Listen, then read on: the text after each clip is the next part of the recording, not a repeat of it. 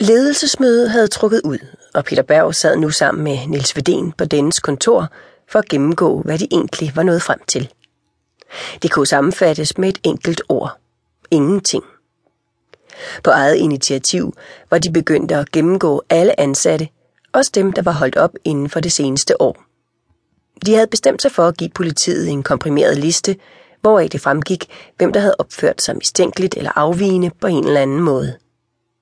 Politiet er sikkert taknemmelig for vores hjælp, konstaterede Nils Vedén, der tydeligvis nød at lege detektiv. Det var ikke bare dataudtrækket i tirsdags, men også andre fikse idéer, han puslede med, der gjorde Peter bekymret. Politiets personlige spørgsmål om Nils gjorde ikke sagen bedre, og Peter overvejede, om han skulle tage tyren ved hornene og bede ham om en forklaring. Men Nilses hervede udseende fik ham til at tøve og han bestemte sig for at vente lidt med sine spørgsmål. Den administrerende direktør havde trods alt haft det hårdt på det seneste, og Peter ville ikke sparke til en mand, der lå ned. I stedet koncentrerede han sig om, hvad han skulle skrive på den tomme blok, der lå på sofabordet foran ham. Fem personer er holdt op i løbet af det seneste år, og Jenny er gået på barsel i november.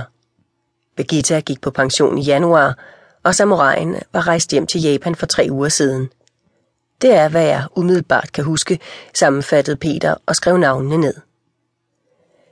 Er der nogen, der har sagt op i affekt? Ikke så vidt jeg har hørt. Hvad har vi mere?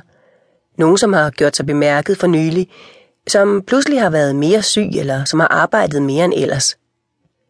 Peter Berg kunne ikke komme i tanke om nogen på stående fod. Det er et godt spørgsmål. Jeg går i gang med min indbakke. Jeg er kommet bagud med den på grund af de seneste dages ballade.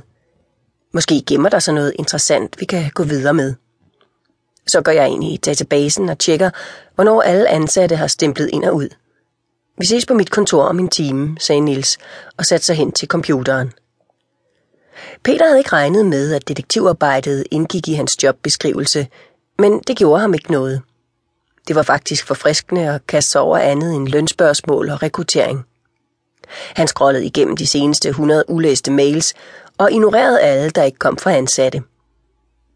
En mail fra kokken Ulf Monson fik ham til at stanse op.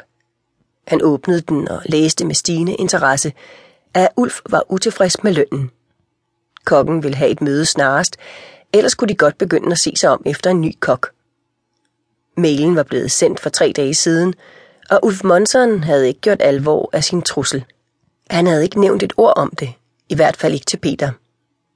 Han printede mailen ud og så samtidig den muskuløse, kronravede fyr for sig.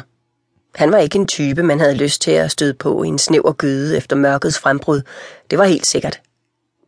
Peter Berg fandt ikke andet interessant i indbakken og gik ind med sit ene navn til Nils Vedén. Nils var ikke på kontoret, så Peter slog sig ned i gæstestolen og ventede. Han var sikkert bare på toilettet. Hans blik faldt på et blisterark med piller, der strakt frem under en stak papirer på skrivebordet.